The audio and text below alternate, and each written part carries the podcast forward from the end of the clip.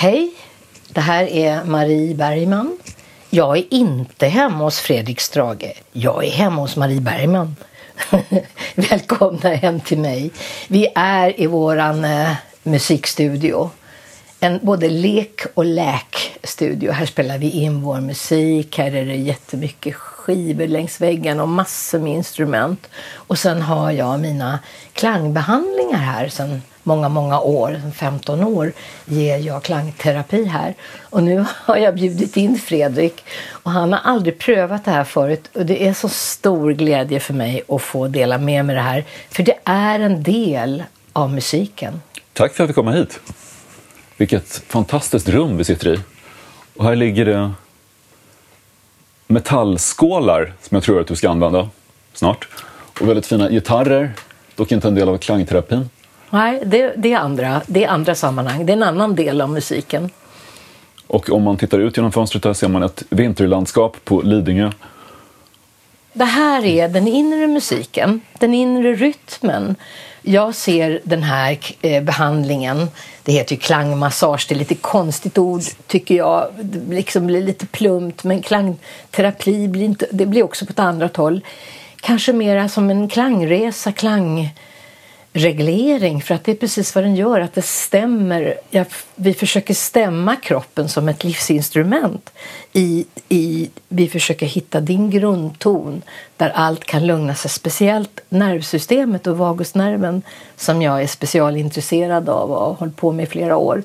Och jag känner att här, klangen den, den stärker vagustonen i kroppen vilket gör då att nervsystemet kan faktiskt reglera sig själv om det känns tryggt och skönt. För det ska bara vara tryggt och skönt.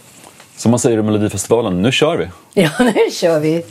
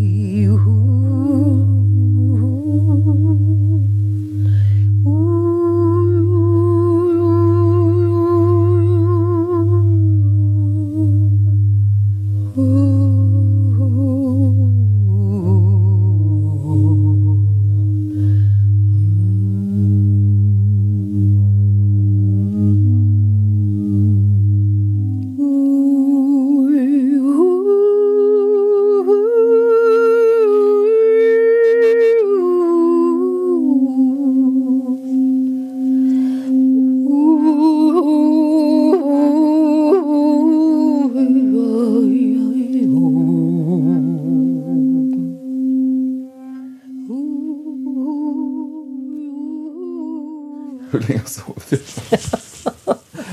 Vad är klockan? Ja. Oh, det var, det var en intressant upplevelse. Det var det. Tack Marie Bergman för klangterapin. Jag känner mig harmonisk på ett sätt som jag inte har gjort på ett tag. Nu åker vi hem till mig.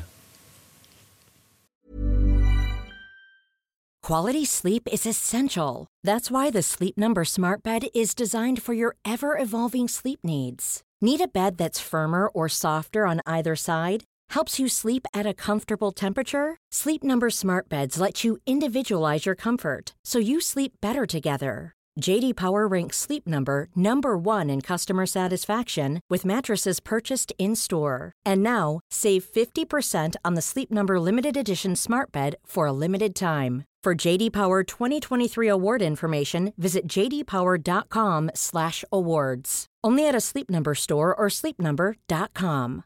This is Paige, the co-host of Giggly Squad, and I want to tell you about a company that I've been loving, Olive and June. Olive and June gives you everything that you need for a salon quality manicure in one box. And if you break it down, it really comes out to $2 a manicure, which is absolutely insane. It's also so easy to get salon worthy nails at home with Olive and June. The difference between how your nails used to look when you did them yourself and now with the Manny system is a complete game changer. The best thing about Olive and June too is it's a quick dry. Dries in about one minute, lasts for five days, and full coverage in up to one to two coats. Visit oliveandjune.com slash perfectmanny20 for 20% off your first system. That's oliveandjune.com slash perfectmanny20 for 20% off your first system. A lot can happen in three years, like a chatbot may be your new best friend. But what won't change? Needing health insurance. United Healthcare Tri Term Medical Plans, underwritten by Golden Rule Insurance Company, offer flexible, budget friendly coverage that lasts nearly three years in some states. Learn more at uh1.com. Och nu är vi hos dig, Fredrik. Jag sitter och tittar på alla dina bilder du har på väggarna. Jag är helt fascinerad. Jag skulle kunna sitta och bara flumma iväg en hel dag. Alla de här, tänk om alla de här bilderna berättar en historia, vilket de naturligtvis gör. Vi är hemma hos dig, Fredrik, på, på Kungsholmen. Välkommen hit, Marie. Mm. Och tack för klangmassagen. Ja. Det har gått nästan två veckor sedan vi såg senast. Hur känns det? Jag var i ett märkligt tillstånd efter klangmassagen. Mm. Jag kände mig väldigt lugn och samtidigt ganska stark. Så dagen efter så bestämde jag mig för att testa att vinterbada. ja. Jag hoppade ner i en vak i Brunnsviken. Vilka kontraster. Det är Eller hur? Jag tänkte att det var, det var en vecka av kontraster. Min, min flickvän är galen, så hon gillar att vinterbada. Mm. Och jag ville ju inte verka mesig, så jag hakade på. Men sen några dagar senare så, och det här vet jag inte om det hade något med klangmassagen att göra, men Nej. jag hade lämnat min son i skolan och jag gick hem och jag satte mig vid datorn för att skriva en text. Och plötsligt visste jag inte vad texten handlade om. Jag visste inte heller vem jag var eller var jag befann mig. Och det här har hänt mig två gånger förut i livet, att jag plötsligt sitter någonstans och inte vet något. Oj, oj. Nästan som om jag är dement. Och jag vet inte om jag gick för djupt in i oasen som du pratade om. Nej, alltså man kan ju aldrig säga, det här har jag aldrig hört jag tror, jag tror inte att det här egentligen kanske hade något med det att göra. Nej, men, men det, var väldigt, det var väldigt märkligt att det inträffade för första gången på flera år. Ja, men jag tänker att kontrasten kan ju ha varit lite tufft för dig. Först var det tufft med klangmassagen, för du går ju djupt in i vårt fundament och in i våra inre det är ju som en fertilizer på något sätt. Liksom. Men och sen hoppa i iskallt vatten, var det till och med dagen efter? Några dagar efter? Det var dagen efter. Ja, det, det är lite tufft. Men jag, jag, kan, jag vet inte. Men det kanske var lite tufft för din kropp. Den kanske behövde slå av ett tag för att hämta upp sig. Efteråt. Det var en intressant kontrast mellan, mellan spänning och uh, avslappning hos dig. Eftersom någonstans var jag också medveten om att jag var hemma hos dig. På, en, ja. på, på ett bord. Ja. Och det tog tid innan det var svårt för mig att tänka bort omständigheterna. Att det var en ganska udda situation och bara vara i nuet. Och det är någonting som jag har enorma problem med i vardagslivet också, för att jag är en ganska spattig person. Ja, men det här kanske, alltså, jag tror inte man bara kan beställa det, utan jag tror att det är en träningssak. Det handlar ju om liksom en förankring här och nu. Och när man är med om en här ny grej som du var med alla de här skålarna på kroppen kroppen och hur det känns och det vibrerar och det hela med lugnet som infinner sig så småningom. Det, det, det är ju, då, då ligger man ju och lyssnar. Vad händer nu? Vad händer nu? Och det tar ofta en eller två gånger tills man kan landa i det där. Så det var inte så konstigt Men jag fick, en, så. jag fick en ASMR-effekt faktiskt, det fick jag. Ja, du fick det. Den här um, sällsamma rysningen. Ja, man kan få den av. sällsamma djuprysningen. Jag pratade om min mormor och hennes röst tror jag. När vi, ja. Att eh, äldre personers röster kan framkalla det hos mig. Eller det uppenbarligen tibetanska Ja, och det, det, var ju den här fantastiska Kommer du ihåg nu när du fick den här stora skålen på ryggen? Som jag berättade, jag vet inte om du hörde det. Jag vet inte vad man hör när man ligger i, i avslappning. Man hör en del och en del faller bort. Men jag sa till dig att den var från 1600-talet. Och det, det kommer jag aldrig glömma. Får jag berätta vad du sa? Nej, vad sa du då? Jo, du sa så här. Först sa du så här. För den är ganska djup och dov och, och går djupt. Och jag använder en rimstav på den. Det är liksom en annat sätt att närma mig den skålen. Det är en gammal antik skål. Och då sa du först, jag hör ett flygplan, sa du. Jaha, sa jag. Sen var det tyst ett tag. Så tänkte jag, jag tänkte, han hör ett flygplan bak. Intressant. Nej, sa du. Jag hör ett kylskåp. Jaha, tänkte jag. Har han ett kylskåp? Jag tänkte det är din resa, jag bara lyssnar och gör, förankrar i trygghet. Och sen var det tyst ett tag och så här, men det är ett gammalt kylskåp. Och det är alldeles runt i kanterna eller något sånt där sa du. Att det är gammalt, sånt där gammalt. Och så var det tyst ett tag och så sa du, det är min mormors kylskåp. Och så var det tyst ett tag till och så sa du, ja, och jag sa bara jaha, jag bara lyssnade. Och så säger du, där inne finns det, jag tror du sa någonting om att det var mjölk och mackor. Alltså att det fanns någon näring till dig där inne i det där kylskåpet. Och då blev jag så varm i mitt hjärta. Vad intressant att jag faktiskt inte minns riktigt vad jag sa. Men nu när du pratar om brus från kylskåp. Jag har ju ett sus här i rummet som egentligen inte borde vara... Det är ett elementsus. Jag ska försöka justera det. Vänta. Ja. Titta, nu försvann det. Ja, men det var väl bra. Det fick vara med som en illustration. Exakt. det kanske var ett annat kylskåp, men det var det inte. Det var ett många, element. Hur många klangmassagepatienter har du? Nej, jag, jag, jag har inte så jättemycket. Jag försöker ha, ibland har jag två eller max, max tre om dagen. Kanske en gång eller två gånger i veckan. Jag vill inte ha det mer. Det här är mitt kärleksbarn det är ju som sagt var en del av min musik. Jag vill känna liksom att det här inte blir någon rutin eller blir någonting som, som jag bara gör. Utan jag, jag, är ju, jag njuter ju lika mycket jag av de här klangerna. Och det har faktiskt hjälpt, hjälpt min röst jättemycket. Och min förankring. Min förankring i närvaro enormt mycket på de här åren. Det har varit fantastiskt. Du gör också toningar i Katarina kyrka. Ja, jag tonar ju också under, precis som jag gjorde på dig. Jag använder ju röst. Egentligen, vi är ju som klangskålar. Det är du med. Alltså om man får loss den här klangen i rösten så blir så ljud är ju luft. Alltså ljud är luft som rör sig. Och luft som rör sig vibrerar, precis som en klangskål. Och det är inte sång, men det är mer liksom en, ett, ett ljud med, med klang på som de flesta reagerar på som de känner det fys fysiskt i kroppen. Och jag vet inte, jag tror att det har med att det ligger på en frekvens. Det går in och det kan vara ljust eller mörkt eller mittemellan. Men det, har, det är en speciell klang för du använder munhålan och du använder eh, liksom kroppen på ett speciellt sätt när du tonar. Du var nyligen med På spåret. Ja. Där du tillsammans med Benny Anderssons orkester sjöng Ted Gärdestads Come Give Me Your Love ja. och så Joni Mitchells Both Sides Now. Ah, vilka låtar va? Hade du en speciell relation till de artisterna så att du blev tillfrågad Nej, om just alltså det där var, att tolka dem? Alltså det, var, det var en väldigt, väldigt fin historia. Benny ringde mig och så säger han så här, jag vill höra dig sjunga igen, säger han. Jaha, och så lite chockartat sådär. Vi känner inte varandra. Vi kände inte varandra då. Nu känner vi varandra mer än vi har mötts som musiker på, på det här sättet. Vi, vi fann ju liksom en resonans där med varandra musikaliskt. Men, men det var ju fantastiskt hedersamt. Och sen började vi prata om vilka låtar. Och då letade vi tillsammans med, med en kille från tv. Eh, jag ville känna liksom att jag kände, både Benny och jag om jag får ta också hans åsikt med här, så kände vi bägge två att vi gör någonting som vi gillar.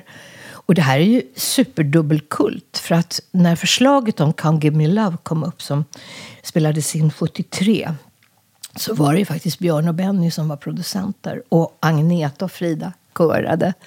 Så att, alltså, det var ju skitkul att få göra den här så många år efter, på vårt sätt, på ett nytt sätt. Och det var väldigt roligt. Jag fick så mycket stöd från alla killarna i orkestern och Benny allra helst. Och sen bestämde vi oss för att göra eh, Both Sides Now, bägge två. Det är hans, en av hans älsklingslåtar och mina också, i alla tider. Och, eh, och då tänkte vi, hur ska vi göra den? Eh, vi repeterade i hans studio och sådär. Och då sa killarna i orkestern, nej, nej, nej, det här, vi ska ju inte spela på den där, den där ska ju ni göra själva. Det är ju skitstarkt. Okej, okay. så gjorde vi det. Och så blev det som det blev. Väldigt fin tolkning tycker jag. Väldigt nära och en personlig tolkning. DN kallade dig urmoder för Skandinaviens singer-songwriters. kan du se ditt inflytande hos yngre artister? Jag vet inte. Ja, alltså det kom ju fram. Och jag får ju mejl och, och, och, lite såna här påhälsningar på sociala medier från unga yng, lite yngre artister. Och jag, de kom fram också på konserter. Och det, det är häftigt. Va? Det, det jag känner att jag vill ge dem, det är någonting, en fortsättning på den här eh, eh, snabba belöningen, snabba hitvärlden. Det är inget fel på den, det är kul och det är roligt att vara med där och så vidare, en cirkus. Men att få ha musiken som en, som en livshållning och har den i olika faser, olika åldrar. Alltså det betyder ju inte att det... Att, vem är det som styr över mitt uttryck? Det är jag själv. Och det är ett sätt att hålla sig levande och kreativ. Och det, det önskar jag att jag kan förmedla. Det lyckas jag med ibland till en del yngre. Både killar och tjejer som lirar och som sjunger allra helst. Att, att, att, först, att skapa en förståelse att det här, är, det här är ingen quick fix. Det här är en del av livet.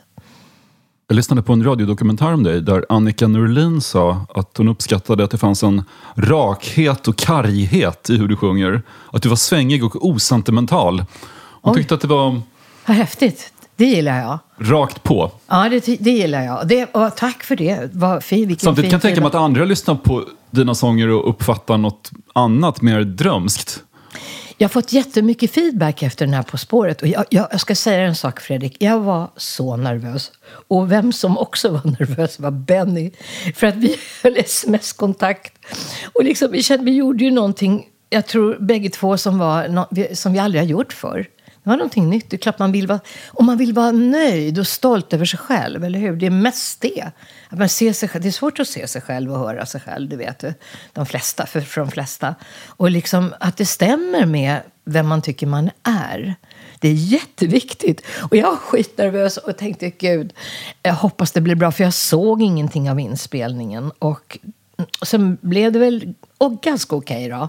Och eh, jag har fått så mycket feedback. Och det, det slår mig. Jag har aldrig fått så mycket feedback av killar och män. De har verkligen, an, de har verkligen ansträngt sig och skrivit. Och jag tror dels beror på gitarrspelet, men så är det många som, minst sex, sju stycken, och det är ganska många om man tittar på efter en sån här feedback, som säger jag grät. Jag brukar inte göra det. Och då tänkte jag, vad, vad är det som gör? Jag vet inte, men det är alltså var som en, en, då en, vad ska jag säga, en, en, en, en, god sak. Att jag kom åt mina känslor. Och då tänker jag, vad bra. Det, jag kan inte hjälpa det. Jag sjunger som jag är. Och om det kan förmedla någonting djupare än bara att det är bra, då blir jag nöjd över mig själv. Det ska kännas. Och det ska kännas djupt och tryggt och bra. Livet känns. Om jag har förstått allt rätt så var din morfar en smed som flydde ryska revolutionen. Ja, alltså det var innan. Eh, han, han, han var smed. Han flydde eh, Eh, vad var det nu då? 1911 tror jag han kom till Stockholm. Och han var inte helt ung. Alltså han var över 20, om han var 21 eller 27. Han kom hit, jag har tullpapperna kvar. En svartmuskig man, dock inga vapen, står det i tullpapperna. Han kom här med en stor del av hans familj. De var ju tvungna att sticka därifrån. Alltså de var av judisk börd. De bodde i Vitebsk i, i Vitryssland, alltså Belarus. Och, och det var inte Och det lätt. var pogromer där då ja, på 10-talet? Ja, de brände, de brände judar levande på gatorna. Och det var otäckt och de kände hur det här började tajta ihop sig. Så de stack därifrån. Jag vet inte ens om de visste att de skulle till Sverige. De tog bara någon båt tror jag, eller tog den båt de kom med. Hela familjen, hela släkten flydde. En del hamnade i Staterna, en del hamnade här. Och det var ju tur att han hamnade här, för nu sitter jag här några generationer efter. Och hur träffade han din mormor? Min mormor var från Estland. Då var det också rysk på den tiden. Och hon tog, där fanns det inget jobb. Hon hette Kockeman, som är ett estniskt namn. Hon är från Tallinn. Och hon tog jobb som sällskapsdam åt någon rik amerikanska som kom med någon himlabåt där. Och som skulle bada i någon sån här spa-gyttja där. Och sen så följde hon med då som sällskapsdam. Och så åkte de på det här, de skulle till Staterna. Och så åkte de runt liksom i, i Norden och hamnade i Stockholm och ankrade till här och skulle vara här några dagar. Och då blev hon bestulen på allt hon ägde och hade. Pass, eh, papper, ägodelar, allting. Så hon kunde inte åka vidare. Så hon, hon blev fast här. Och då träffade hon morfar Max här i Stockholm. När han hade väl kommit hit och flytt hit. Så de, träffa, förlåt, de träffades här och blev ett par. Och din morfar var smed sen?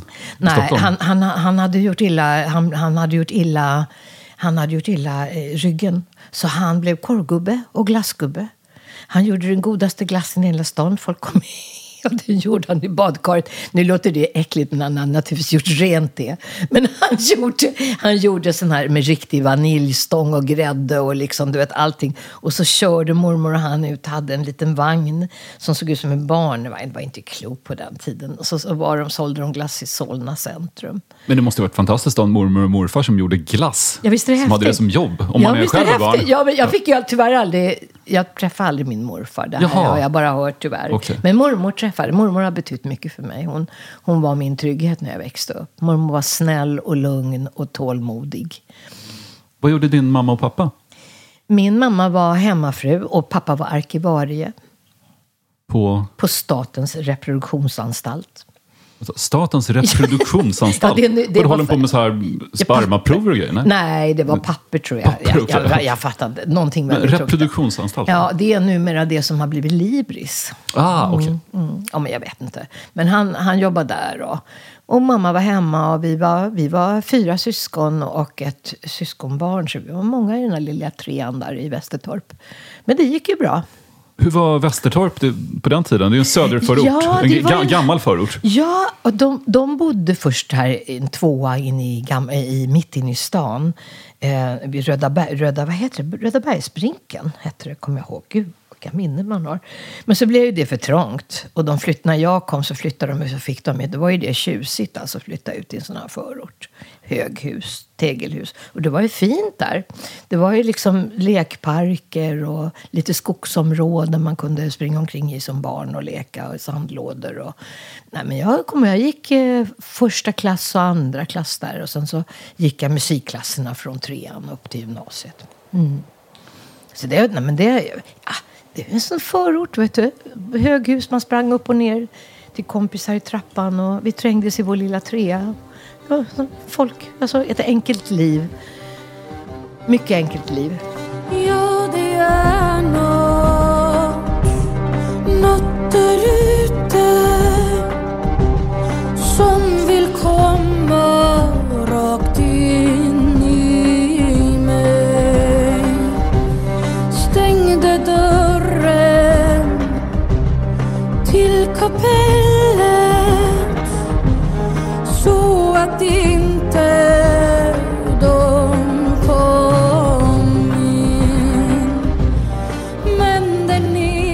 men Sara Parkman fascinerar mig. Jag känner henne inte alls. Jag bara tycker att hon har hittat en, en sorts egen väg mellan folkmusik och eh, eh, i, i etnisk musik på något sätt. Och, alltså hon, hennes röst, hon använder rösten som, en, som ett instrument och hon har de här också, eh, vad ska jag säga, eh,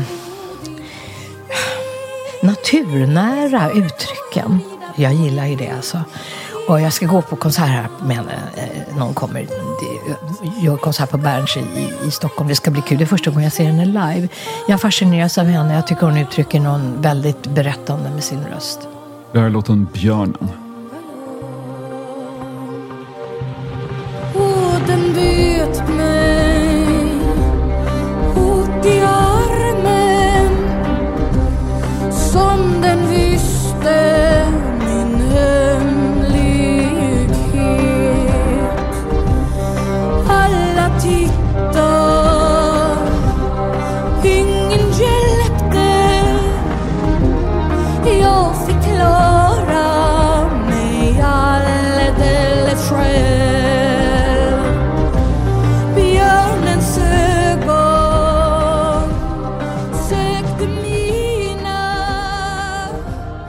Vad ville du bli när du var liten? Så, det är så oromantiskt, men jag ville bli läkare. Jag har alltid haft någon sån där äh, vurm för att hjälpa. Eller, det låter så här äh, lite konstigt tack faktiskt, men jag tänkte ja, men om jag blir läkare då kan jag åka omkring i världen och hjälpa. Och jag tror jag hade den drömmen väldigt, väldigt länge. Och, men nu gör jag ju det på ett annat sätt. Men, men den, eller veterinär, det låg nära också. För djur, jag, är, jag älskar djur, alla djur, även människan. Vi är också däggdjur. Men jag är fascinerad av, av eh, eh, beteenden och jag är fascinerad av vad är det som gör att man kan använda sina resurser? Vad är det som gör att man inte kan använda dem? Vad är det som hindrar oss? Vad är det som tillåter? Vad är det som gör att vi beter oss väldigt destruktivt i trauma till exempel? Jag tycker det är otroligt spännande att forska och beforska. Och vad är det som gör, vad är det som gör att vi eh, vad är det som gör att vissa människor berör i, när, när man sjunger eller står på en scen som skådespelare till exempel genom att bara vara sig själva? Jag tycker det är något otroligt fascinerande. Hade du några idoler som tonåring när du växte upp? Ja, gud, jag hade... Jag, jag hade... Jag hade en duo tillsammans med Therese Juel, Inger Juels dotter. Inger Juel var ju en väldigt känd skådespelerska. Och hennes dotter eh, gick i parallellklass till mig och vi bodde i närheten av... Jag bodde i Västertorp och hon bodde i Midsommar... Nej, jo, nej, vad hette det? Inte Midsommar... Vad hette det? Där hon bodde, Midsommarkransen, jo det hette så. Midsommarkransen. Så vi hade nära till varandra. Och vi hade en duo, så vi hade... Och vi har varsin liten pudel. Hon hade en vit pudel och jag hade en svart pudel. Det var för små tjejer. Och så sjöng vi. Och då hade vi varsin gitarr. Hur gamla var ni då? Ja, vi var kanske 14, 15, spelade på ungdomsgårdar. Och vi hade som, eh, då på den tiden, stora idolerna var Peter, Paul och Mary. Alltså det var ju amerikansk folkmusik. Och de tog upp Dylan innan Dylan själv var nästan De sjöng ju upptäckt. ärligt talat Dylan bättre än Dylan själv skulle jag säga. Men det får- man väl inte säga i det här landet. Nej, men Dylan är ju Dylan. Så att han har ju liksom sin egen art och berättar på sitt sätt. Men vi var ju fascinerade liksom av det här äh, stämsången och vi sjöng nästan alla deras sånger. Satt och spelade. Så hela våran tillvaro var att vi satt och spelade. Jag hade gitarren med mig till plugget jag gick i Adolf Fredriks musikklasser. De har berättat för mig, där kommer inte jag ihåg, att jag hade gitarren inlindad i en kofta. För vi hade inte råd med jag fick köpa gitarr efter mycket om och men. Mina föräldrar var skrapa ihop. Men jag hade inte råd att köpa gitarrcase, etui. Så jag fick, jag fick ha gitarren i en kofta, eller en sån här stor som jag lindade in. Och så hade jag med mig den till skolan, satt på spårvagnen. Jätte som en liksom stor dygrype. Så varenda jäkla rast så satt jag tydligen på golvet i korridoren. Jag var aldrig ute och lekte, jag bara satt och spelade. Och så kom Therese och så, så satt vi där och sjöng stämmer och jag var in bara, alltid. Vi sjöng jämt. Och det var ju kul. Men det var just folkrocken du var intresserad av. Ja. Du kom aldrig in i så flower power, psykedelia-rörelsen på något vis? då, inte för du är då. lite så perfekt ålder för dig. Du var Ja. 19 när Woodstock Ja, jag arrangerades. vet. Och då blev jag fascinerad av Crosby, Stills Nash, Joni Mitchell, allihop, you name it. Alla de här äh, banden där som var liksom stora på den tiden. Men jag, men jag, jag var aldrig, jag blev aldrig en, en äh, rocker på det viset. Jag tror att jag, jag, jag fascineras mera liksom av rösten än av, en, en av liksom den här mangelenergin. Men nu är jag mer en rocker mer än någonsin. Nu tycker det är jävligt häftigt med de här, alltså gud, de här banden på 80, 70 80-talet. Jädrar vad bra det var många gånger. Just att det var så live, det var spelat. Det var liksom inte så mycket konstruktioner, inte så mycket, det var mer kropp, tycker jag. Jag älskar ju det. Jag tycker det, det, det återkommer jag till mycket nu.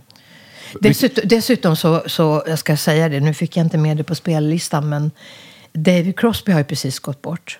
Och David Crosby, honom har jag följt, fullföljt alltså. I hela, från Birds, hans band, till Crosby, Stills Nash.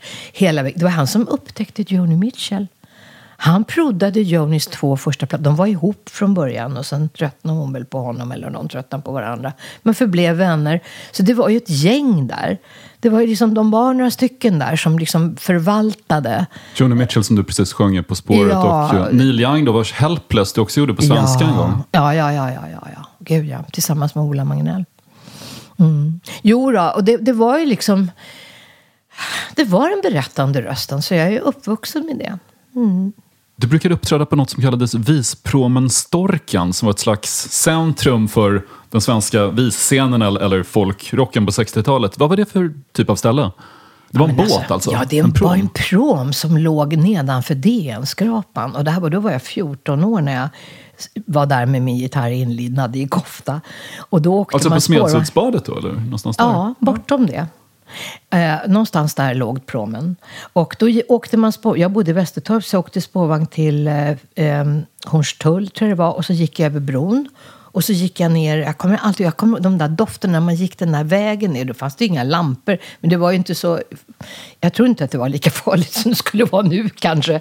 Jag vet inte, men jag gick, det var, alltså jag var ju där jämt, alltså flera gånger i veckan. Jag förstår inte när jag var Men kom du in som 14-åring? Ja, de släppte in mig, där Sid och Git. Och Det de- kanske inte var alkoholservering eller någonting? Jo, det var det. Men de såg ju hur intresserad jag satt ju där och bara väntade på att jag skulle få sjunga eller få sjunga en liten snutt. Och jag, där upptäckte, alltså jag upplevde, på Vispromen Storken upplevde jag Cornelis, hans de- debut.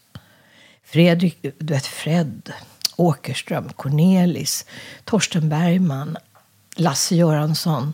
Alla de här, hela trubadur, hela trubadurkåren. Och jag satt ju bara och söp in allt det. De, de söp på ett annat sätt. Jag söp in hela det här live. Liksom jag satt ju nästan i deras knä. Och liksom kände hela varenda nerv som uttryckte sig när de sjöng. Speciellt Cornelis och Fred. De var ju liksom... Det var ju... Tiden stod still alltså. Det är något som händer också när man väljer en viss musik och lyssnar på den i tidiga tonåren. Det, det är som att dina nerver präglas på ett sätt Ja. att det där sitter i sen resten av livet. Ja, det gör ju det. Och jag tror också det här samhällsengagemanget som var då. Jag var, lite, li- jag var bara 14, jag var lite för ung liksom då för att engagera mig. Men jag tror det präglade mig sen. Att jag blev väldigt eh, upptagen av att det är fasen vi som är samhället, hur ska vi ha det? Du vet. Och, och, och allt det här. Jag, jag tror jag uppfostrades i den här andan. Jag blev aldrig partipolitisk, men jag blev liksom väldigt humanistiskt inställd. Liksom, att vi måste ta ett an... Vi måste ha, det tycker jag fortfarande. Vi måste ha ett ansvar här, alltså. Om varandra.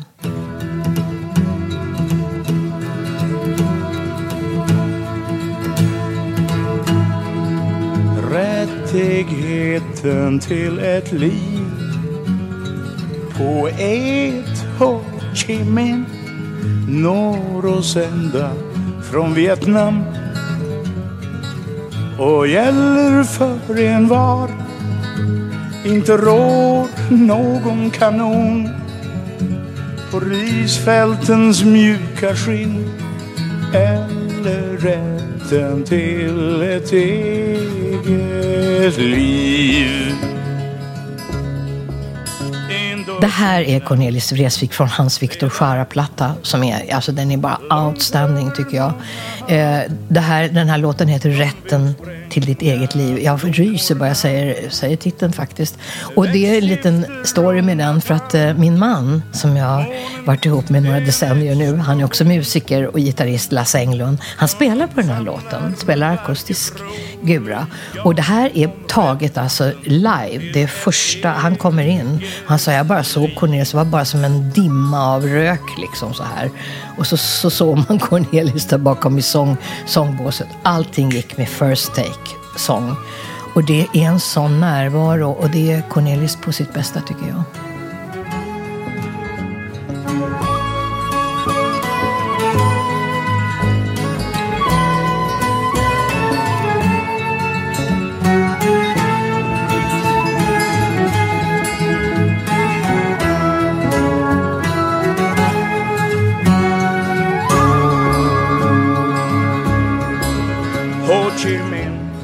Hör denna sång.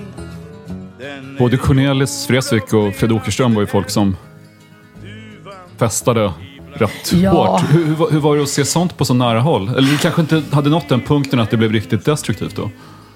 Jo, men det var, var väl det. Men jag vet inte, det var ju också sett, det var ju liksom så tillåtet.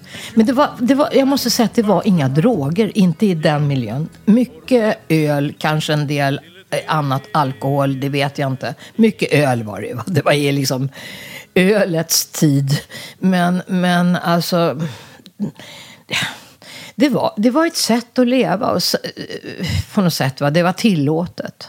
Men hur var det att vara ett 15-16-årigt Ja, bombnedslag mitt bland massa fulla trubadurer? Ja, men de blev aldrig fulla. Ibland blev de det och då blev det lite hett sådär. Va? Jag var med en gång när Fred och Cornelis slogs. I, det, det står nämnt i vissa eh, berättelser om Cor- Cornelis, men det var som två ångvältar som bara puffa ihop där. Vad bråkar de om då? Jag, vet inte e- egentligen nu. Jag vet inte om det fanns någon orsak egentligen. De hatälskar ju varandra, de där två, hela livet. Och liksom de har brakat ihop som två jävla noshörningar i ruinen där bakom scenen på, på i Västervik på Visfestivalen. Men de fick isär dem liksom och det blev okej. Det blev lite blåmärke. Men det var ju mera liksom... Det var också så mycket passion. Jag, jag, de var ju inte så att de raglade omkring fulla. Utan de drack sina öl och det var så det var liksom. Eh, och sen blev det väl liksom kanske att en del fick problem med det där så småningom. Men då jag kommer ihåg när jag var 14, 15, 16 år under de tiden jag gick i skolan där så var det ingen... Det fanns ingenting som... Det var ingenting som på något sätt hotade mig eller som var farligt i det. Det var ingen metoo-varning över Absolut proman? inte. Nej, det var verkligen inte det. Och jag vet en som skulle ha gått in där som min farsa emellan och det var Fred. Om det var någon som överhuvudtaget skulle antasta mig där så var han som en livvakt. Det fanns, ingen, nej, det fanns ingenting sånt där, inte vad jag visste. Det, det, det fanns det i vissa miljöer efteråt sen när jag blev lite äldre. Men då, det, där var det safe alltså. Va? Och det var också att det var mycket kvinnor med. Det var ju så Git Magnusson och Sid Jansson som hade visproven. De, de skötte det där så snyggt alltså. Och var det någon som blev full fick de gå hem. Det var, det var liksom... Hur gick det till sen när du blev medlem i Family Four? Då var du 19. Då var jag 19. Ja, jag tror, jag, jag tror det var så att det var en... Om jag har fattat det rätt så var det någon producent på radion som hade hört Marie och Therese, den här duon. Vi hade gjort något radioprogram. Och som hade eh, kanske givit ett tips till Bernt. För Bernt letade efter nya, Bernt Öst pratar jag nu om då. då.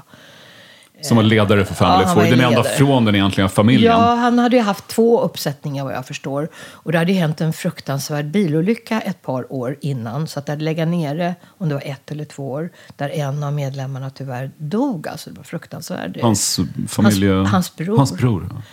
Och eh, nej, men jag, jag, jag vet inte riktigt vad som hände. Det pratades aldrig om det där. Inte bland, med oss i alla fall. Men jag, det måste ju varit fruktansvärt traumatiskt. Och sen låg allt nere. Och sen bestämde sig Bernt efter ett par år att han skulle starta upp den här gruppen. Men inte med familjen då. Natur. Alltså det, det, det var ju en trauma som hade hänt. Men då sökte han efter medlemmar. Och då blev det så att han fick den här tipsen. Jag kollade upp eh, Marie där. Och, och sen blev det, kom ju Agneta Munter och Pierre Isaksson till. Vi var ju absolut inte, vi kände ju inte varandra. Men vi hade alltså nästan ett halvår då vi bara jag sjöng, kallar det för repetition. Vi, var inte ens en vi sjöng. Vi, vi träffades nästan varje dag. Bara sjöng, sjöng, sjöng, sjöng, sjöng. Men många som såg er måste ju ha trott att ni var en familj eftersom ni Ja. hette Family Four. Du vet, jag var där, jag var, jag var med i den här gruppen i fyra år tror jag, eller vad det var, någonting. Och när jag slutade där, för då hade jag ju börjat skriva egen musik och hade stöd från Anders Burman till exempel, producenten, att få spela en själv ur ett jävla liv. Och Bernt blev förbannad på mig. Och det slutade med ett stort gräl. Och eh, tyvärr osämja. Och eh, eh, eh, då, när jag gick ifrån den här gruppen och det blev känt, så blev jag antastad på gatan. Va? Utav folk som kom fram och sa liksom, hur kan du göra det här med oss? Hur kan du, hur kan du sluta? Hur kan du, hur kan du förstöra en sån här... Alltså inte från dem i gruppen eh, så väldigt mycket, eller Bernt i alla här, alltså han blev arg från början, det är klart. Men, men, men, eh, men folk, alltså, vår publik. Och då fick jag en riktig noja. Jag var nojad säkert ett halvår. Jag vågade nästan inte gå Men hur ut. långt gick det? Fick du... Nej, inte, det var ingen Hot, som... eller? Ja, na, ja, det kan man säga att jag fick. Jag blev hotad. Och det, det, var, det var kanske så här... De hade sett oss som den lyckliga familjen. Men det var ju inte en familj. Nej, jag vet! Men det, det är ju det här. Det var en illusion. Det var ingen jävla lycklig familj. Det var ett stenhårt jobb och det var verkligen ingen lycklig familj bakom alla gånger. Utan det var ju ett jobb vi gjorde. Det var en grupp. Vi var en sånggrupp. Men det hade blivit säkert... Jag vet inte hur det hade blivit där. De såg oss som... Det där, så där ska man vara. Man ska sjunga ihop och alltid vara glada tillsammans. Små korta kjolar och små mössor och grejer. Jag vet inte. Men då... Ja, du hade ju korta kjolar och sånt. Det ser ut på en del bilder som om du har de här vita go-go-bootsen som Ja. Nancy Sinatra brukar köra med. Ja. Och sen långa lösögonfransar. Ja, ja, ja, ja, ja, absolut allting. Och lockar i håret och allting. Ja. Lilla vännen när jag tittar på mig själv där. Men jag fick en lärdom av det där. Och det är att man kan aldrig man kan aldrig försöka göra alla nöjda, nöjda. Man kan aldrig göra det. Utan man får räkna med att går man sin egen väg i, i livet så måste man räkna med att man gör människor besvikna. Man får ta det. Man behöver inte se det som en anklagelse. Det tog ett tag innan jag kom dit. För jag, jag blev ju väldigt liksom, chockad av den här äh, äh, äh, aggressiviteten som kom upp. Alltså, jag blev jättechockad. Jag Men vilka så- krav ställdes på dig i gruppen internt? Var du tvungen att alltid le till exempel? Ja. Att alltid ställa Ja. upp, alltid vara... Ja. Och till slut så sa jag bara hej då, nu, nu är det nog. Det var faktiskt så. Och det var kanske liksom, vi skulle framstå som den lyckliga familjen. Det uttalades aldrig, men det var ju liksom det konceptet. Alltid glad. Alltid. Jag fick inte uttala mig på intervjuer på slutet för jag uttalade mig då eh, inte så bra. Vad, vad, vad, vad råkar du säga för något? Jag vet inte vad det var just nu, men jag hade några åsikter om, om saker och ting. Och jag hade börjat då börjat bryta mig loss som, som, ja, som människa. Men du hade inte kunnat, säg, kommentera Vietnamkriget eller någonting i en Family Aldrig. Four-intervju? Aldrig. Jag blev faktiskt förbjuden att säga någonting. Och då, då var då jag bestämde att det här kan jag ju inte vara kvar. Ni vann Svenska Melodifestivalen 1971 och 72, Family Four. Ja. Och sen vann du även 94 med Roger Pontare. Så du är den enda, förutom Carola, som har vunnit tre gånger Svenska Mello. Ja. Va, vad tänker du när du tittar på den tävlingen nu för tiden? Ja, tillbaka där på Family Four så kan jag bara kä- Tyvärr så blev det liksom lite solkigt på slutet. Det blev inte så, det blev inte så bra avslut på den där historien. För att ni bråkade? Ja, och för att vi, det blev liksom... Jag kom i kläm. Anders eh, Burman och Metrodom, de ville jag skulle spela in de här låtarna. Och de- de, stöd, liksom, jag fick mycket stöd och så kände jag verkligen liksom skuldkänslor från, från eh, gruppen att jag hade förstört och, och allt det här. Och det fick jag också i huvudet att jag förstörde. Du, det är så med, man, man fritar sig själv. Man får nästan man får köpa det. Det hör till, liksom, har jag förstått nu. Men, men eh, det blev lite solkigt, om jag säger så. Tyvärr. Men eh, det var ändå fina år. Jag lärde mig mycket. Och jag lärde mycket om, om branschen. Och jag lärde mig mycket om... Herregud, tänk att få vara med om alla krogshower och, och Folkets park och så vidare. Och eh, ja, men nu svim, svämmar jag... Vad sa du? Vad var frågan då? Ja, hur, hur, um, om du tittar på Melodifestivalen nu, nu, nu i tv känns, Ja, ja, känns det ja, som en helt ja, annan ja. värld? Eller är ja, det en, ja, ja, ja, ja, herregud. Alltså, jag kände den här lilla flickans ångest. Jag hade ju scenskräck. Jag var så rädd att jag skulle passa in i den där mallen hela tiden. Och jag var så rädd att jag skulle göra någonting som jag förstörde det då. Till slut så gjorde jag ju det. Men, men, men jag var så rädd och jag var, liksom kände att det var inte jag. Och... ehm, eh, ja, jag gick igenom en väldig kamp där sista tiden. Och, och när jag ser på det där så kan jag ju jag kan se det på mina ögon. Jag kan se det på min, på min, på min krampaktiga leende. och ehm, jag kan tänka, ja, det var en fas i min utväxt. var, var det ett speciellt ögonblick där du kände att nej, nu räcker det? Ja, ja, det var ju flera sådana ögonblick. Alltså. Men jag, jag kommer inte ihåg nu direkt, det är så länge sedan. Men jag kommer ihåg sista turnén att nej, nu, nu, nu, nu kan inte jag vara en del av det här längre. Nu måste jag gå. Och då blev det ett stort bråk och så gick jag. Och Anders Burman på Metronom stöttade dig trots att Family Four Låg säkert var, var en kassako för. Ja, det gjorde han. Han stöttade mig. Fortsatte de sen med någon annan? Ja, det gjorde De de. plockade in någon annan? Så. Ja, det gjorde de. de. De plockade in någon annan och fortsatte ett par år. Och så, jag hade ingen kontakt. Jag har lite kontakt, men så, Pierre förs, försvann ju där tyvärr i Estonia-olyckan. Men Det är ju helt ja, det var inte klokt. bisarrt. Han, han, Pierre Isaksson från Ja. Family Four Ja. var underhållningsansvarig på Estonia. Ja, och det här var hans sista resa. Det är faktiskt sant. Alltså. Han skulle uppträdde den kvällen. Jag vet inte om han uppträdde, men han var där i alla fall. Nej, uppenbarligen, eftersom han försvann. Men han bjöd inte med dig för att sjunga någon gång på Estonia? Nej, det gjorde han inte. Men han hade kontaktat mig för han höll på att spela in nya låtar och frågade om jag ville vara med. Och, och de, de hade typ tankar på att liksom, eh, återupprätta Family Four igen. Det sa jag ju tvärt nej till. Det går ju inte. Det gick ju inte. För min del i alla fall. Men han hade, nog- han försökte liksom, han hade också låtar. Och jag har en del kontakt med hans son. Som har tagit upp lite grann arvet och, och spelat in de här låtarna som Pierre skrev. Det var trevligt. Pierre var en fin kille. Han var bra. Han var schysst. Han var schysst. Och så har jag lite kontakt med, med, med Agneta. Men du vet, alltså Bernt tillhörde den gamla generationen. Han var en riktig patriark. Alltså, som, alltså han skulle kontrollera allting. Och det gjorde han också. Och det var, det var väl bra i början, men sen... Ja, livet fortsätter, man utvecklas. Han försökte liksom hålla kvar en, allting precis som han tyckte det skulle vara. Men, men, men, men det går ju inte. Det, är det, så att, eh, när jag tittar på mig själv och ser de här två första åren där så tänker jag herregud, ja, vilket bananskal in i showbiz. Och, och på något sätt har det också lite så här dubbelt, måste jag säga, när jag tänker på det nu. För att det har också legat mig i fatet. Eh, eh det är många som på något sätt, den, den äldre lite äldre generationen, eller min, min generation, som fort, ja, nu börjar väl släppa, men de ser bara Family Four. De kunde liksom inte ta in att jag, mina nya låtar. Så jobbade jag mycket i Norge och Danmark och fick en jättestor publik där. Och det hjälpte mig att våga fortsätta utvecklas. För det är svårt när man har haft så mycket intern framgång som vi hade. Och då fanns ju bara två tv-program på den tiden och alla, eller Melodifestivalen och så. Utan publik i Danmark och Norge. Du spelade ju Roskilde också ett par gånger tror jag. Ja, ja, ja, vi Vil- var- vilka, år var du där? Ja, uff, bra fråga. Nu satte du mig... Någonstans måste det varit på eh, någonstans mitten av 80-talet. Mm. Alltså vi, vi, vi turnerade jättemycket in, i, i Norge och Danmark. Och jag kände ju, där såg inte folk, folk Family Four när de såg mig. De såg mig som mig.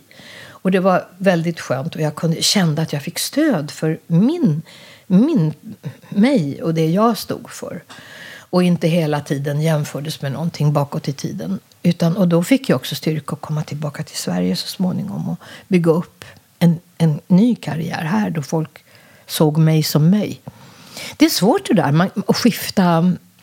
Eh, ja, man skiftar ju på något sätt eh, identitet. Eh, vi var ju, så, vi var, ah, vi var ju världsberömda i Sverige. Det var liksom, allas små älsklingar och alla trodde vi var den lyckliga familjen och sådär. Och idylliska och vi var alltid glada och alltid var bara happy happy och sådär utåt sett. Och det, det var ju den imagen vi hade. Nästan som The Osmonds eller någonting i USA. Ja, precis. Den här Ja, men precis. Det kan jag. mormonskt glödande Ja, men- glädjen. ja, eller, det är en jättebra jämförelse. Och jag säger inte det med elakhet, utan det fanns också något gott med det. Men man ska också säga att vi var faktiskt jävligt bra. Man lyssnar på inspelningar som vi gjorde, en del stämgrejer vi gjorde. Jädrar, vi sjöng bra alltså, på vissa grejer, det måste jag säga. Men det var den där imagen, jag klarade inte av den. Men jag fick leva med den länge.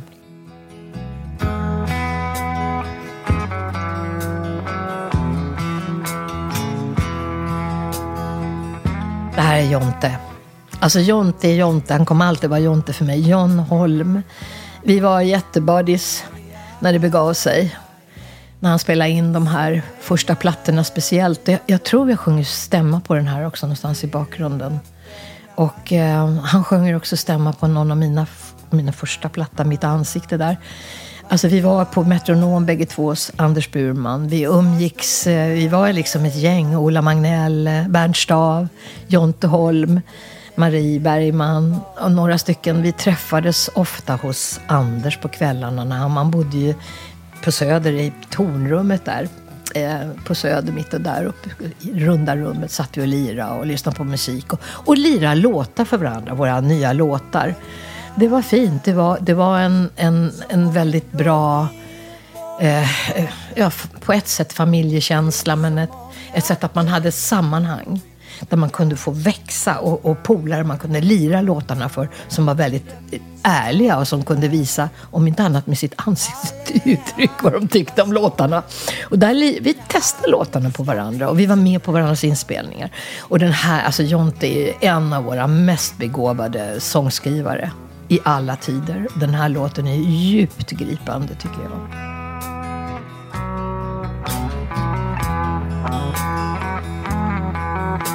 En vinter kan komma då vägarna står tomma och snön faller tätt omkring mitt hus. Då ropar du må hända att nätterna känns långa och torkar blåa tårar. mot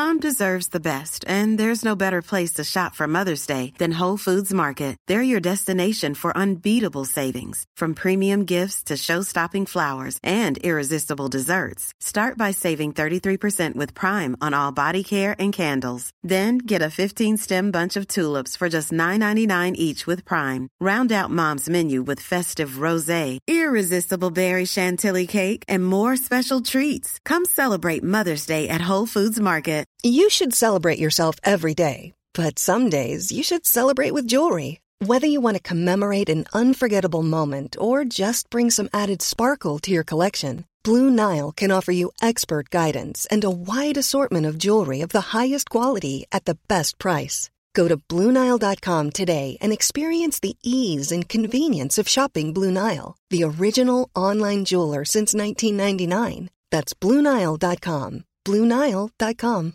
This is Paige, the co-host of Giggly Squad, and I want to tell you about a company that I've been loving, Olive and June. Olive and June gives you everything that you need for a salon quality manicure in one box. And if you break it down, it really comes out to $2 a manicure, which is absolutely insane. It's also so easy to get salon worthy nails at home with Olive and June. The difference between how your nails used to look when you did them yourself and now with the Manny system is a complete game changer. The best thing about Olive and June too is it's a quick dry. Dries in about 1 minute, lasts for 5 days and full coverage in up to 1 to 2 coats. Visit oliveandjune.com slash perfectmanny20 for 20% off your first system. That's oliveandjune.com slash perfectmanny20 for 20% off your first system.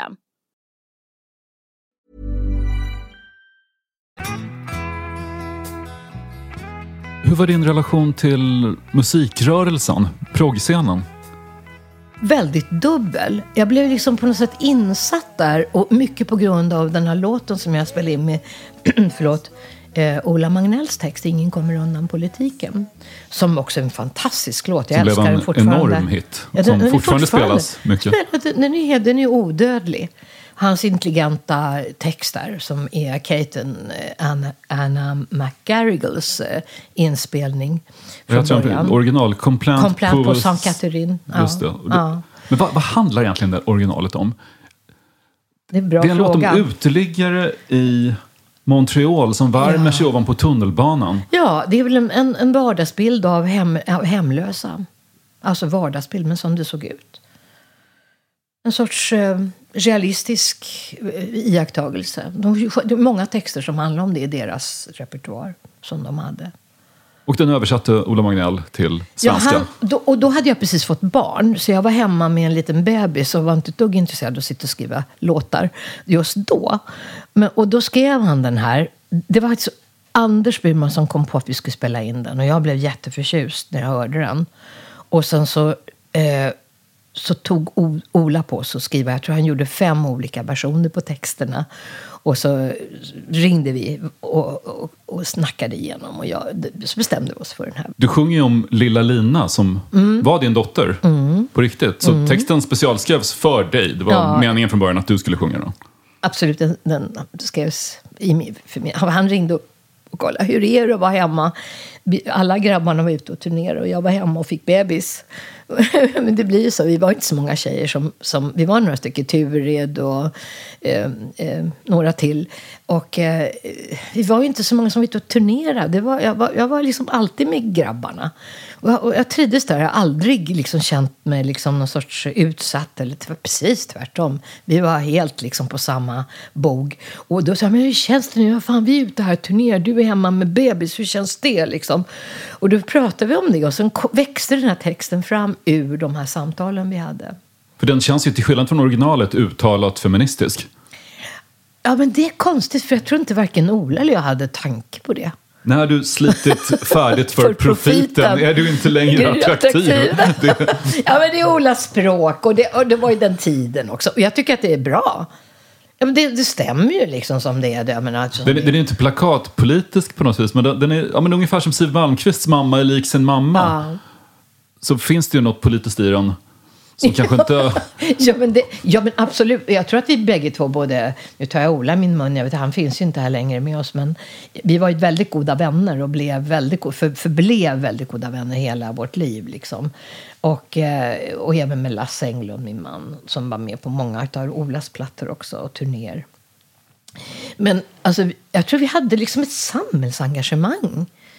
Eh, Alltså, okej, va, det var inte en, en låt som handlade om hemlösa som sov ovanför tunnelbanefläkten för att få lite värme i Montreal. Utan men det, här var, det här var liksom hur var det att vara kvinna och, och, och liksom eh, ensamstående. Du var ensamstående med Lina då? Nej, det var jag inte. Men vi, vi, jag vet inte hur. Han ville beskriva en socialrealistisk text.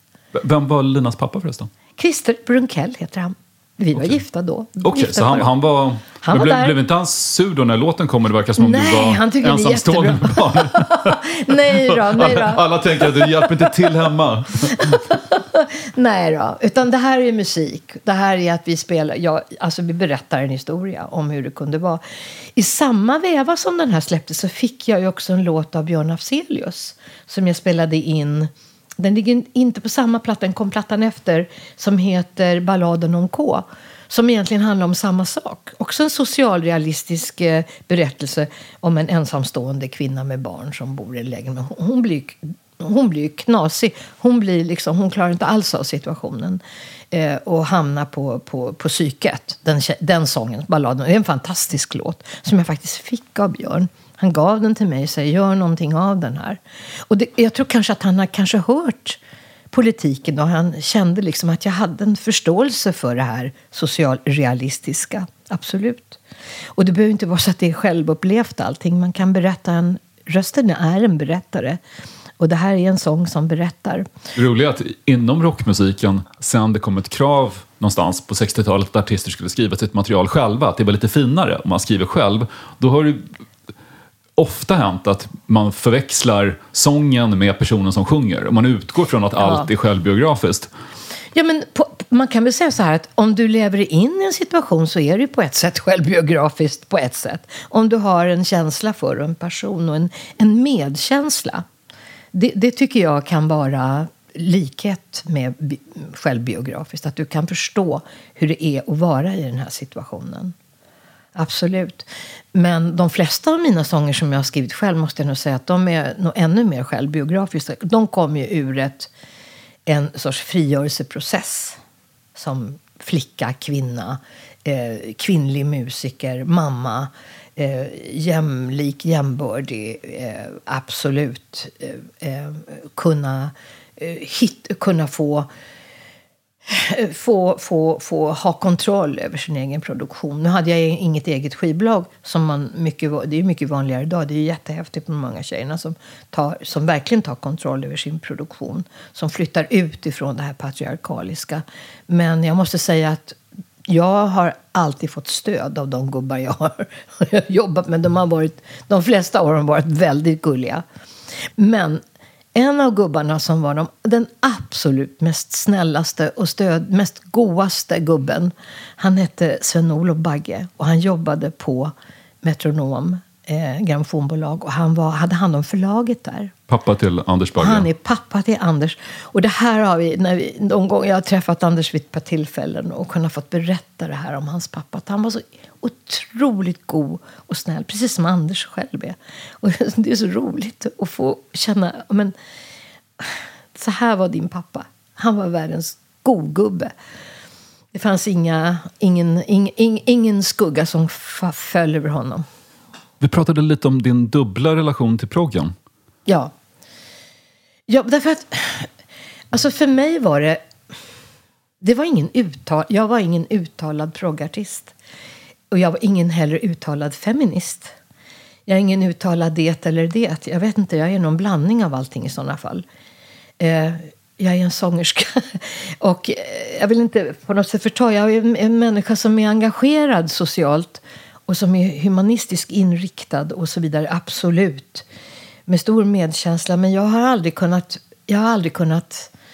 Jag har inte kunnat identifiera mig med det här aggressiva feministiska. Jag, det är inte min, min väg att gå. Jag klarar inte av. Jag, tycker, jag vill inte hålla på och fightas. Jag vill inte det. Jag tror inte att det...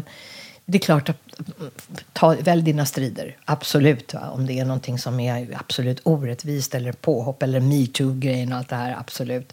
Men som... Jag kan känna så här att för mig så, är det dialog, samtal, sam, samspel som gäller. Och det har ju varit hela mitt liv, att jag alltid har samspelat med Men krävde folk på 70-talet att du skulle vara mer uttalat politisk och Ja. tydligare i Ja. dina ståndpunkter? Jag vet, jag fick en jävla utskällning en gång från Björn Afzelius och Mikael också för att jag sjöng Hej Mikael om du hör på det här. jag älskar Mikael. Men det var ju, those were the days liksom. Och de tyckte, de tyckte nog att jag var alldeles för mycket liksom skrev om relationer. Och vad gör Mikael nu? Jo, han skriver om relationer. Hej Mikael! det är så gulligt. Ja, men det var, those were the days. Det var så partipolitiskt och det var så. Jag, jag, jag kunde inte gå den vägen. Jag, för mig handlar det om... Jag, jag kom från en jäkla enkel upp, liksom lappkojs... Eh, upp, uppfostran i sju personer i en trea i ett höghus i väst, Västertorp. Det var väldigt enkelt. Jag har aldrig haft eget rum. Jag har aldrig haft någonstans jag kunde ha stått i lugn och ro och pratat i telefonen först jag flyttade hemifrån. Det har alltid varit liksom folk på mig och liksom mitt sätt mitt, min frigörelse det var att gå in i musiken för musikens egen skull. Där kunde jag ha mitt eget rum. Men även folk som en kort tid var med i proggen blev ju ofta beskyllda strax för att vara sellout eller att inte Ja. mena det eller inte vara tillräckligt politiska. Men Pugh råkar väl ut för det? Ja, ja, det gjorde han. Och Puggy är en av våra... Han var också med i det här gänget runt Anders Burman. Verkligen. Puggy är en av våra mest begåvade också sångskrivare. Herregud, vilka låtar, vilka texter, vilka uttryck. Han är helt egen fortfarande också. Och eh, ja...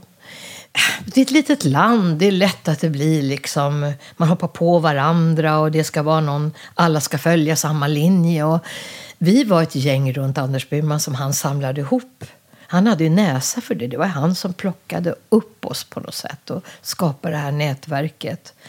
Eh, där han såg oss som individer. Det fanns inget uttalat politiskt eller inget Alltså att vi var likadana. Tvärtom, vi var otroligt olika varandra. Och det var det som var det charmiga. Vi var sångskrivare. Det var det vi var. Och vi var, han såg oss som, tror jag, som unika var och en på sitt sätt. Solen rodnar i nordväst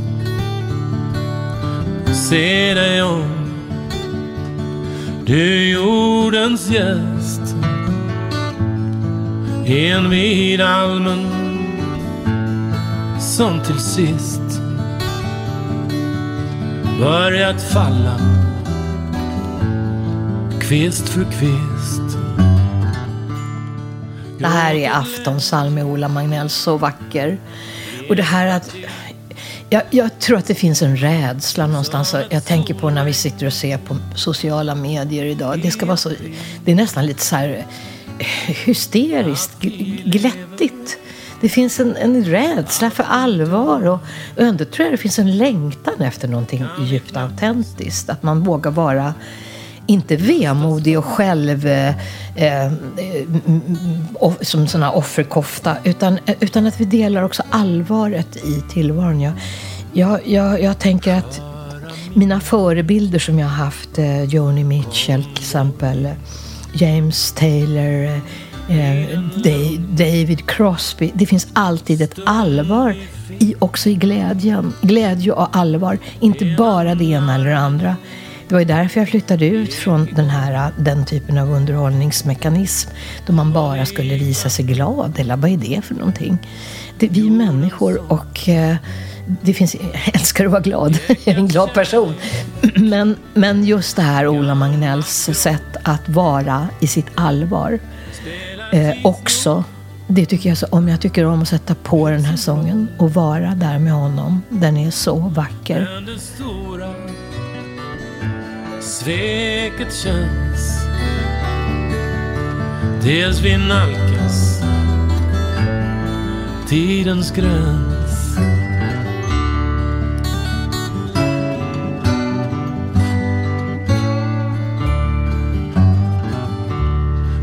Nattens oro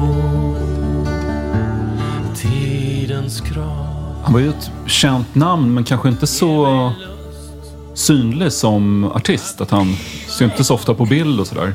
Nej, han var en ganska skygg person tror jag. Han var blyg, eller om man får använda det ordet. Han var känslig, otroligt eh, hyperkänslig person som jag upplevde. Han kanske inte skulle tycka om att jag sa det, inte vet jag. Men jag upplever honom som det. Och det var också en begåvning han hade. Att han kunde också visa sin sårbarhet. Och det är klart, då ställer man sig inte i de främsta leden och, och säljer sig själv. Han gjorde aldrig det, utan, utan han hade sin musik, han språk, han var ett språkmästare. Och liksom var trogen vän. Och gitarr. Som han satt och lirade gitarr. Du vet, och det blev tyvärr inte så... Jag skulle önskat att det blev, hade blivit framhävt lite mer på, i hans produktioner. Det, det finns där, men alltså, han spelar gitarr. Så han kunde sitta i veckor och klura ut ett arrangemang till sina låt, sina texter och sina låtar. Det var otroligt viktigt för honom. Så det var där, han var en konstnär på det sättet. Det var hans uttryck. Jag tror inte han i första ledet ville synas eller ville armbåga sig fram på något sätt. Eller han kanske inte hade heller det behovet. Men en, bek- en bekräftan på sin aut- autentiska, sitt autentiska uttryck, det längtar ju, det behöver vi allihopa som håller på och skapar någonting. Och det, det hade han naturligtvis som alla andra. Men eh, han, det var inte liksom att synas som var det främsta för honom. Det var att höras. Intressant är det som sociala medier förut att nu är det så att artister förväntas vara jätteaktiva hela tiden. I, det var ju för övrigt det sista, just det, bland det sista David Crosby sa offentligt. Då hade Daniel Ek på Spotify gått ut och sagt nu för tiden så duger det inte minsann att bara ut ett album vart fjärde år. Om ni är artister så måste ni leverera låtar hela tiden. Annars blir ni inte spelade, för det funkar inte med logaritmerna. Och då, då svarar David Crosby något uttalande, go fuck yourself. Eh, Heja David Crosby, bra! Ja, men alltså, det är så sorgligt. Det är så sorgligt att se musik bara som produktion. Va? Alltså, det, är, det, är ju inte, det är inte materiellt på något sätt. Det här är ju människor som skapar någonting utifrån sin sårbarhet. Eh, de som har ett autentiskt, en autentiskt berättande röst och som man berörs av. Det kan aldrig, bli, det kan aldrig bara bli materiellt. Det är fruktansvärt. Det märkliga ändå att även musik som produceras bara för att bli hits kan få någonting autentiskt och innerligt. Ibland, ibland i efterhand, ibland direkt. Jag menar, ta Mm. här, allt som gavs ut på Motown. Det är ju Ja. 100% en Ja. kommersiell produkt. Ja. Enda målet var att skapa popmusik ungefär som man skapade bilar i Ford-fabriken i Detroit. Ja. Um, och hela, till och med det här vet, löpande bandprincipen. Någon monterar skruvhjulen, någon fixar vindrutetorkarna. Så det är fortfarande samma princip som Max Martin jobbar med till exempel. Att någon, någon Ja. är bra på hookar, Ja. någon gör hi-hats, någon gör basgångar. Ja. Och sen är det plötsligt 20 pers som har skrivit en låt. Mm. Mm. Men lite grann kan vi se den tendensen också i Melodifestivalen. Det är ett gäng som alltid skriver. Och det- jag tycker inte det, det har alltid funnits och kommer alltid finnas. Ja, men då blir det ju en hype liksom som går. Det blir som en våg som går över en viss tid. Det är ju någonting annat. Och då hänger man på den ett gäng och som kan det där. Och man, man vet man får till det liksom tills folk tröttnar på den vågen. Och det gäller. Men när det gäller en, en enstaka artist som David Crosby, Ola Magnell, Jonte Holm, Pugh Rogefeldt så handlar det om en livshållning. Och det är därför så häftigt att följa de här människorna. Joni Mitchell, för att inte tala om, herregud. Där man kan också följa hennes liv. Och, en del låtar har ju blivit hit, hittar. Both Sides Now kan man väl säga på sitt sätt är en sorts hit. Den har i alla fall bränt igenom och blivit tidlöst känd. Och det, men det var kanske inte hennes första syfte, men det är något annat med en person som skriver över hela sitt liv och har det som sin som sitt språk, sin, sin, sitt uttryck eh, i dur och moll, motgång och medgång, glädje och allvar. Eh, en, en, en, en hype som blir på en stil. Och det behöver inte vara något fel. Det är bara att den är tidsbestämd. Men en människa som är så begåvad som David Crosby till exempel är inte tidsbestämd. Han kommer alltid leva kvar. Lyssna på Fan, han var 80 bast alltså, när han spelade in den här sista. Närmare 80, 79 kanske han var, rättare sagt. När han eh, spela in den här live-plattan eh, eh, med det här bandet som han lirar med. Eh, sista. Det är så fruktansvärt bra. Det kan inte bli bättre. Och hans röst och hans uttryck är helt där. Alltså, han lever här. Han levde det ända tills han slutade andas. Han sjöng tills han slutade andas. Jag nämnde inledningsvis att Annika Norlin uppskattade att du hade ett rakt och kargt språk i låtarna. En av de rakaste och kanske kargaste låtar du har gjort är den här En fri röst som är en hyllning till Anna Politkovskaja. Polit, polit, politskova, vad heter hon? Anna Polit, Politkovskaja. Politkovskaja, ja. Ja, Anna Politkovskaja. Ah. Den ryska journalisten som mördades 2006 efter att ha skrivit mycket om Tjetjenien. Jag ryser nu. Vet du hur den låten kom fram? Kom, kom fram? Ja, kom, kan man säga faktiskt. Kom till. Jag satt och såg på hennes begravning. Den direktsändes. Jag kommer- inte om du kommer ihåg det. Eh, Den, hon blev alltså mördad i sin trappuppgång. Hon hade som, som journalist hon var ju väldigt mycket i Sverige här. Hon jobbade, jag tror hon jobbade med Aftonbladet eller Dagens Nyheter, någon av de stora tidningarna här och skrev för dem också. Och hon gjorde, hon var, gjorde socialrealistiska reportage och, och fattade det här som började skapas, som vi ser nu. Redan då. För hur var det nu, är tio år sedan eller något sånt där? Som, Det är till och med kanske- 17, 17 år sedan hon är det mördades. 17 år nu, herregud? Ja, det är 2006 var det. herregud, tiden går.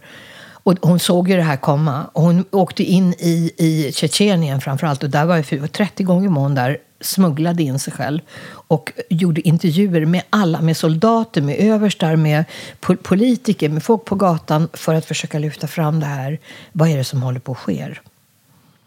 Och det, det ser vi ju nu, vad det var som höll på att ske. Och det här var ju farligt när det här blev känt och det här, det här storpolitiska började röjas och eh, det korrumperade. Så hon blev alltså mördad. Hon blev, de försökte mörda henne flera gånger. Hon blev förgiftad på någon flygresa. Och eh, eh, sen så lyckades de, de sköt henne eh, bakifrån. Kom med en stor jävla, en stor jävla kulsprutegrej. De dömde ju fem män, fast ingen vet ju vem de nej, jobbade Det för. är klart att de gjorde. De ska ju ha, det, det, det tror jag inte dugg. Alltså, det var på Putins födelsedag och mördades. Yes, i say no more. Men alltså, det var fruktansvärt. En, en ung journalist som gjorde sitt jobb. Och hon skrev så fantastiska fina rep, reportage där hon försökte framhäva det folkliga. Alltså hon, hon, hon försökte framhäva det, det humanistiska i hela situationen. Och, eh, eh och då när hon begravde... Jag blev så fruktansvärt berörd av det här. Och eh, då satt jag med papper och penna. Och jag vet inte varför jag gjorde det egentligen. Det låg ett block där papper. Och under tiden som jag ser på hennes begravning skriver jag hela den här sången. Det är ganska många verser. Jag tror jag var... Min mage som låter. Jag tror jag var i någon form av trans.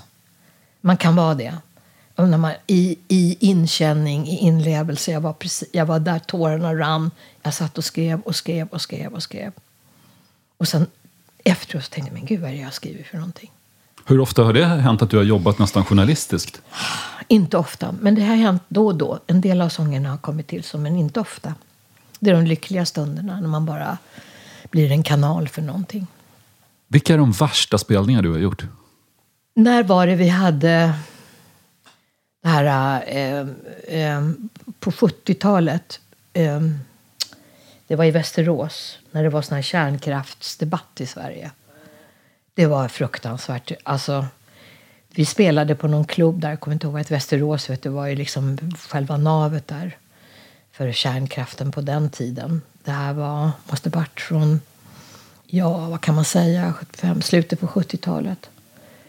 Eh, jag spelade där. Och Lasse var med, kommer jag ihåg, också. Vi lirade. Och Backa Hans tror jag var med och spelade på bas. Vi var, jag tror vi var ett, och jag råkade säga någon sån här eh, negativt om kärnkraften. Och jag tänkte inte på att där satt ju alla som jobbar på fabriken där. Kärnkraftare som jobbar på kärnkrafts, eh, kärnkraftsverken där. Och, och, och jag, jag förolämpade dem något fruktansvärt. Så att jag blev liksom, vi fick avbryta hela eh, eh, du vet, hela konserten. Och jag blev så jävla... De, jag trodde jag skulle bli nerslagen faktiskt. Alltså. Men eh, vad sa du exakt om kärnkraft? Att, Ja, men jag sa ju liksom att de, alltså, vi skulle... vad ska väck? Barsebäck? Ja, ungefär att jag inte trodde på det och att jag, jag, framförallt inte på avfallet. Och det tror jag fortfarande står jag där igen. Vem fan tar ansvar för avfallet? Det är väl bra. Men tänk vad bra om det inte vore något avfall. Då vore det ju fantastiskt. Men man ska ta hand om det. Hur har de löst det? Ingen pratar om det.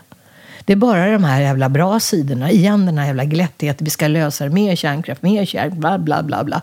Ja, men vad tar all skiten vägen någonstans? Men det är intressant att det var i Västerås. Ja, det var ju det. Västerås är ju en stad som ibland får ett dåligt rykte när artister pratar om att turnera. Se- Senast så hade, jag tror det var Alex och Sigges podcast som var på turné och de hade sålt slut biljetterna överallt, utom i Västerås. Jaså? Så de ja. gjorde en uttalande och bad hela Västerås dra åt helvete och alla i Västerås blev jättejättearga. Ja. Men det märkliga, jag har varit ute också med, med en liten föreställning där jag står på scen och pratar om rockmytologi Mm. nu under hösten. Och det har gått jättebra överallt, förutom Västerås. Gud, stackars Jo, för Västerås. arrangören hade flyttat mig från en teater inne i stan ut till en officersmäss vid flygplatsen. Mm. Jag tror inte ens man kunde åka kollektivt ut dit. nej. Så det, det kom kanske 20 personer, varav 15 tillhörde min flickväns familj. Hon kommer från Västerås. Gud, jag förstår. Stackars Västerås, vad hemskt. Men okej, förlåt, nu ska jag inte såga Västerås. Ni- Nej, för alla- alla jag har haft många bra stunder i Västerås också. Ja, plus de har ju haft Loop Troupen då. Ja, Loop Troop, förträffligt hiphopband. Folkparken i Västerås. Loop Herregud. Troop som eh, valdes in i Swedish Music Hall of Fame samtidigt som du. Jaha. 2018. Wow, Mm. vad kul.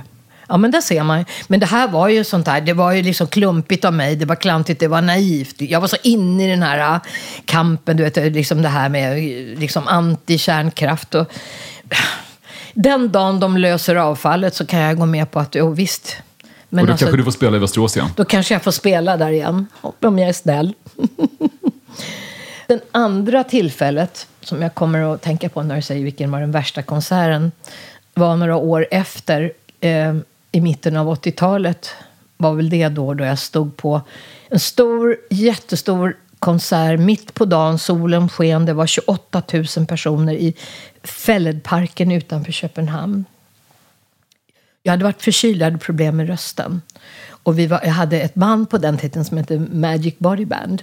Och det var ju istället för att heta Marie Bergman Band, vilket jag tyckte lät lite platt, så var det MBB Magic Body Band. Och Vi var, blev väldigt, vi, vi var ju en av Danmarks tio största band. Vi spelade på Roskilde-festivalen, vi lirade folk.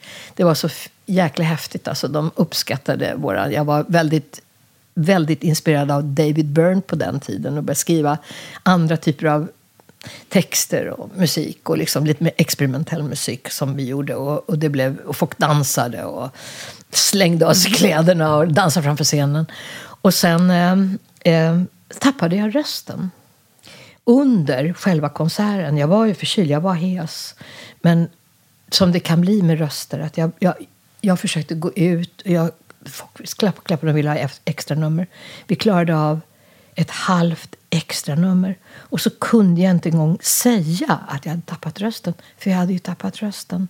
Och det var så hemskt. Jag stod där och jag rörde på läpparna. Jag såg alla de här 28 000 personerna. Och jag var helt stum. Och jag fick panik alltså. Jag fick verkligen panik. Det var så otäckt. Det var en sån här grej som jag tänkte, det här ska aldrig mer hända.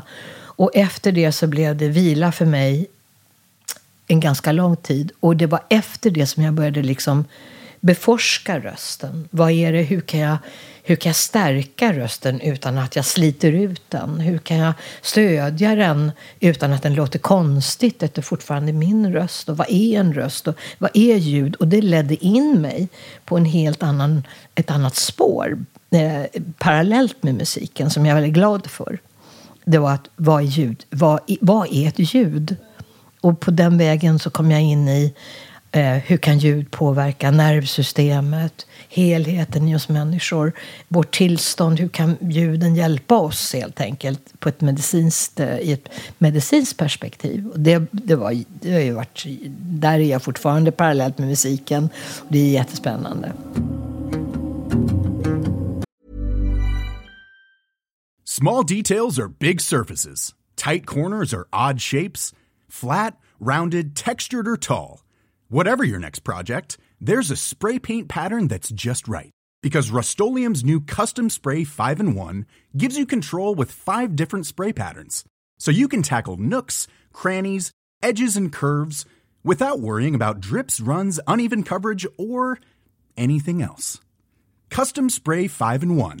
Only from Rust Mom deserves the best, and there's no better place to shop for Mother's Day than Whole Foods Market. They're your destination for unbeatable savings, from premium gifts to show-stopping flowers and irresistible desserts. Start by saving 33% with Prime on all body care and candles. Then get a 15-stem bunch of tulips for just $9.99 each with Prime. Round out Mom's menu with festive rosé, irresistible berry chantilly cake, and more special treats. Come celebrate Mother's Day at Whole Foods Market. Planning for your next trip?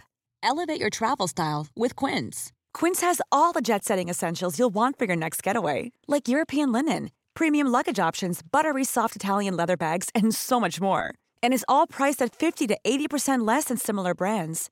Plus, Quince only works with factories that use safe and ethical manufacturing practices.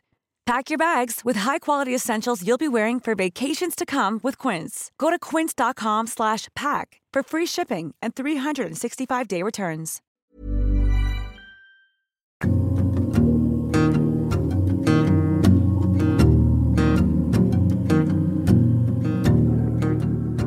Ja, men Fredrik, jag måste gå vidare. Min mage kurrar. Jag tror jag är lite hungrig. Oh, men förlåt vet mig, inte jag har inte, jag har inte gett dig något att äta. Det, det, det behöver du inte känna.